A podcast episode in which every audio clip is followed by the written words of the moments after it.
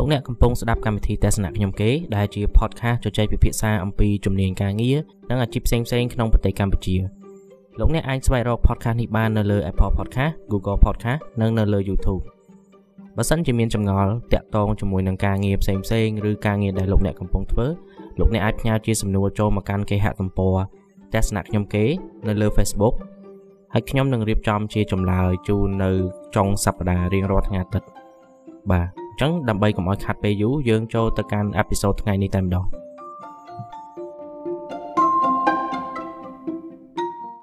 នៅក្នុងអេពីសូតនេះខ្ញុំមានសំណួរមួយថាហេតុអ្វីបានជាបុគ្គលិកថ្មីគួរតែដឹងពីរចនាសម្ព័ន្ធរបស់ក្រុមហ៊ុន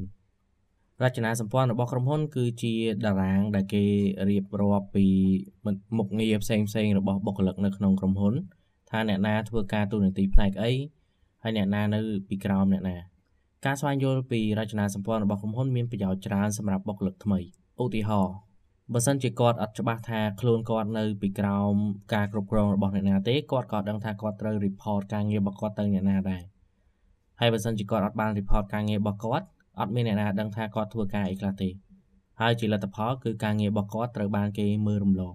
អានេះជាអត្ថប្រយោជន៍មួយនៃការ report ការងារមួយទៀតបើសិនជាយើងទៅធ្វើការហើយយើងអត់ដឹងថា អ្នកណាជាមេរបស់យើង អ្នកណាមានឋានៈធំជាងអ្នកណា យើងត្រូវធ្វើការប្រយ័ត្នប្រយែងរហូតដល់ហ្នឹងអញ្ចឹងបើសិនជាមានឱកាសនៅពេលដែលចូលធ្វើការភ្លាមយើងគួរតែសុំឲ្យខាង HR ឬក៏ manager របស់យើងហ្នឹងគាត់គូអារចនាសម្ព័ន្ធនឹងចេញមកក្រុមហ៊ុនខ្លះគេមានរចនាសម្ព័ន្ធបិទនៅលើអញ្ចាំងស្រាប់ដើម្បីឲ្យបុគ្គលិកបានមើលឃើញក្រុមហ៊ុនខ្លះទៀតតើតាយើងសុំគេយើងសួរគេទៅគេប្រាប់យើងថា អ្នកណាខ្លះនៅក្នុងផ្នែក management ហើយអ្នកណាខ្លះនៅផ្នែក operation ហើយការដឹងពីរចនាសម្ព័ន្ធវាជួយយើងម្យ៉ាងទៀតដែរគឺយើងដឹងថាខ្លួនយើងតណៈយើងនៅត្រឹមណាយើងអាចមើលឃើញថាអូនៅមានកន្លែងខ្ពស់ទៀតដែលយើងអាចឡើងទៅដល់វាជួយឲ្យយើងមានសង្ឃឹមនៅក្នុងការងារ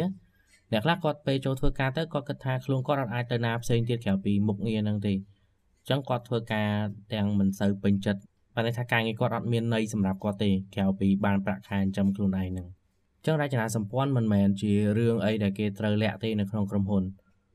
ហើយបើសិនជាយើងធ្វើការនៅក្នុងអង្គការទៀតរចនាសម្ព័ន្ធគឺគេបញ្ចេញប្រាប់យើងឲ្យដឹងច្បាស់ហើយបើសិនជាក្រុមហ៊ុននឹងលាក់រចនាសម្ព័ន្ធយើងគួរតែប្រយ័ត្នខ្លួនហើយបុគ្គលិកមួយចំនួនគិតថាបើសិនជាគាត់ធ្វើការយូរទៅគាត់នឹងដឹងពីរចនាសម្ព័ន្ធនឹងតែវាអត់ប្រកបទេហើយដោយសារតែវាអត់ប្រកបនឹងហើយបានជាយើងគួរតែសួរគេឲ្យបានមុនពេលយើងចាប់ផ្ដើមធ្វើការ យើងនឹងកាន់តែឆាប់កាន់តែល្អរចនាសម្ព័ន្ធ